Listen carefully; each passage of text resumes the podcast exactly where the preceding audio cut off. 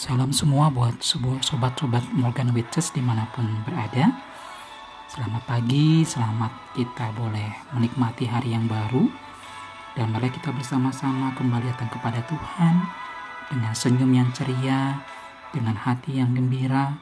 Kita boleh menaikkan syukur kepada Tuhan dalam saat teduh kita secara pribadi. Mari kita bersama-sama mengambil waktu teduh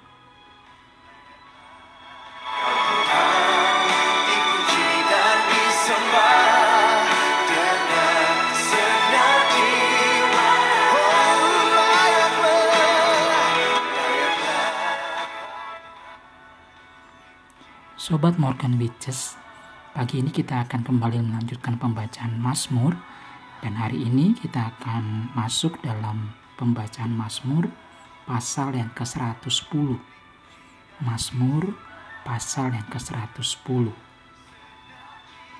Sobatku, pernahkah sobatku menanti sesuatu yang sudah sangat diharapkan tapi tak pernah kunjung tiba? Kira-kira kalau ternyata kondisinya seperti itu, apa yang dialami oleh sobatku ketika sesuatu yang ditunggu-tunggu itu ternyata belum tiba-tiba atau belum tiba, belum diterima oleh kita.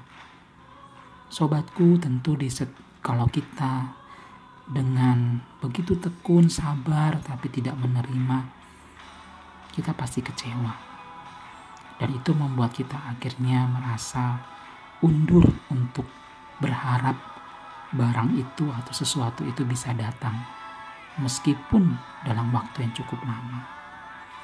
Sobatku dalam Tuhan, ada bahasa Latin yang sering kali kita dengar dalam khotbah-khotbah maupun kita baca dalam buku-buku rohani yang mengatakan ora et labora.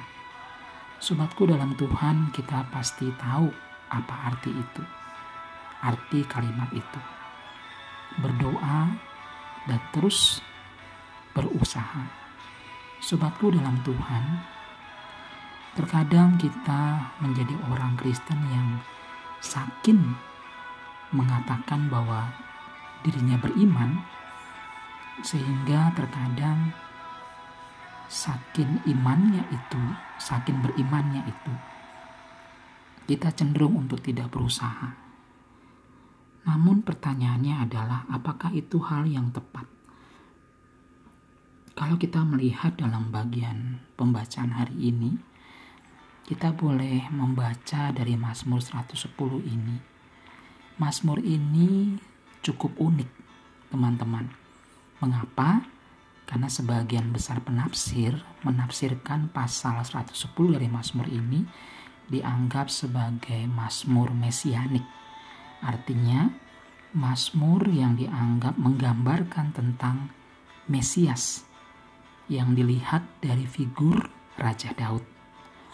Sobatku dalam Tuhan, kalau kita melihat dalam pembacaan hari ini, atau kita boleh melihat dalam perjanjian lama, Musa adalah pelayan Allah yang diperlengkapi secara luar biasa dengan mujizat-mujizat yang dapat mematahkan kepercayaan mereka pada Allah-Allah yang palsu.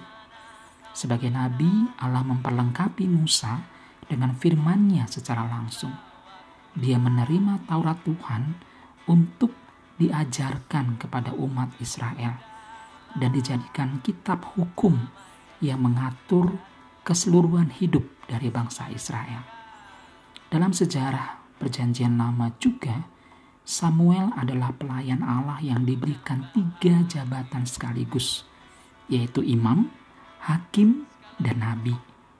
Tugas Samuel sangat penting, sobatku, yaitu memastikan kerajaan Israel dipimpin oleh orang yang diurapi oleh Tuhan dan yang setia.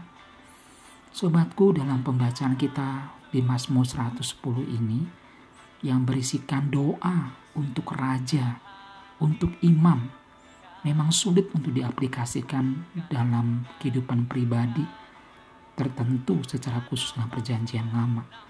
Perjanjian baru jelas memahami bahwa Mazmur ini sebagai Mazmur mesianik.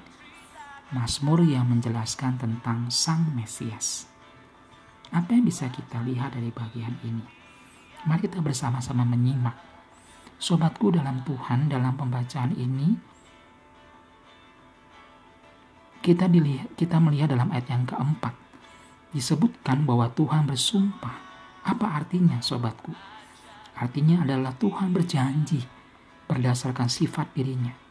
Tuhan mengikatkan dirinya sebagai pribadi yang tidak pernah berdusta sekalipun selalu berdosa sekalipun selalu dia tetap menepati janjinya. Jadi ketika Tuhan bersumpah bahwa ia memberikan janjinya kepada orang percaya, maka umat harus menunggu penggenapan janji tersebut. Kalau kita melihat ayat yang kelima sampai yang keenam, kita boleh melihat bagaimana Tuhan memusnahkan manusia yang berbuat jahat, baik itu raja, kepala negeri, maupun bangsa-bangsa. Sungguh mengerikan ya guys.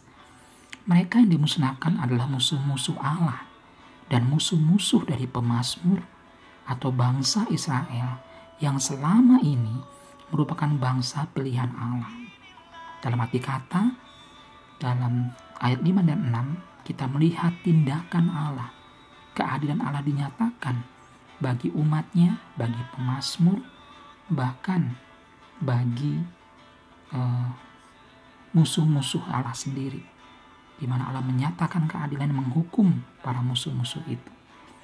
Nah, apa artinya penghukuman itu? Penghukuman itu merupakan pertolongan yang diberikan Allah kepada pemazmur dan bangsa Israel.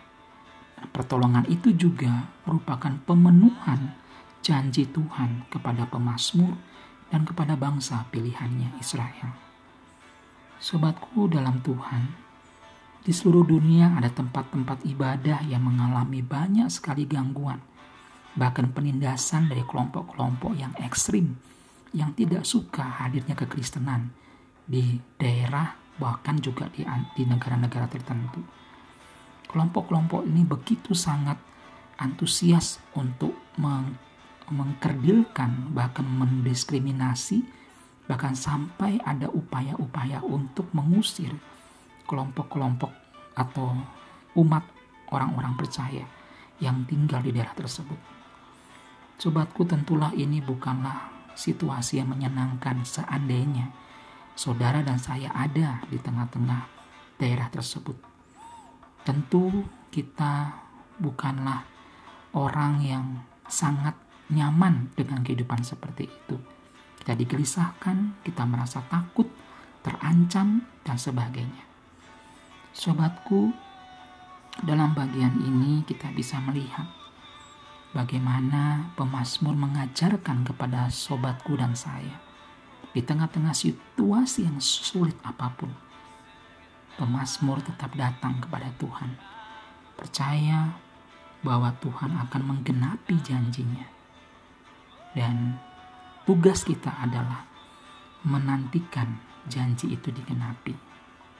Sobatku dalam Tuhan, hampir semua umat manusia, baik yang sudah Tuhan panggil duluan maupun yang hari ini masih diberikan kehidupan, tidak pernah menyangka tahun 2020 merupakan tahun yang begitu sangat sulit. Mengapa? Karena hampir semua aspek kehidupan manusia terhenti dikarenakan penyebaran virus COVID-19 ini. Dan sampai hari ini kita mengalami bagian itu. Bahkan beberapa ahli ekonomi di bangsa kita mengatakan tahun depan adalah tahun penuh dengan krisis bagi bangsa kita. Secara khusus krisis ekonomi. Bahkan dikatakan lebih parah dari kerusuhan atau krisis ekonomi tahun 1998. Sobatku dalam Tuhan ketika kita melihat gonjang ganjing baik, baik berita-berita yang sangat menggeparkan bahkan bisa membuat kita merasa panik, merasa takut, khawatir apa yang akan terjadi tahun depan. Sedangkan vaksin COVID-19 masih terus diupayakan. Apakah ada secerca harapan di tahun 2021. Sobatku sebagai orang percaya, kita dilatih oleh Tuhan bahwa kita punya imam yang besar. Kita punya sahabat yang karib. Kita punya Tuhan yang berdaulat. Karena itu, sebagai umat Tuhan, kita diajarkan untuk senantiasa datang kepadanya, berharap dan percaya bahwa badai ini akan segera berlalu.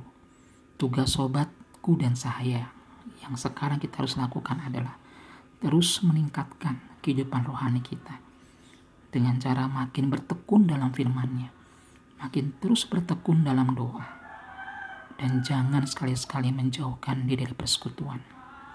Biarlah firman Tuhan pagi ini menolong setiap kita untuk setia berharap kepada Tuhan dan terus mengerjakan apa yang Tuhan sudah janjikan, apa yang sudah Tuhan perintahkan kepada kita.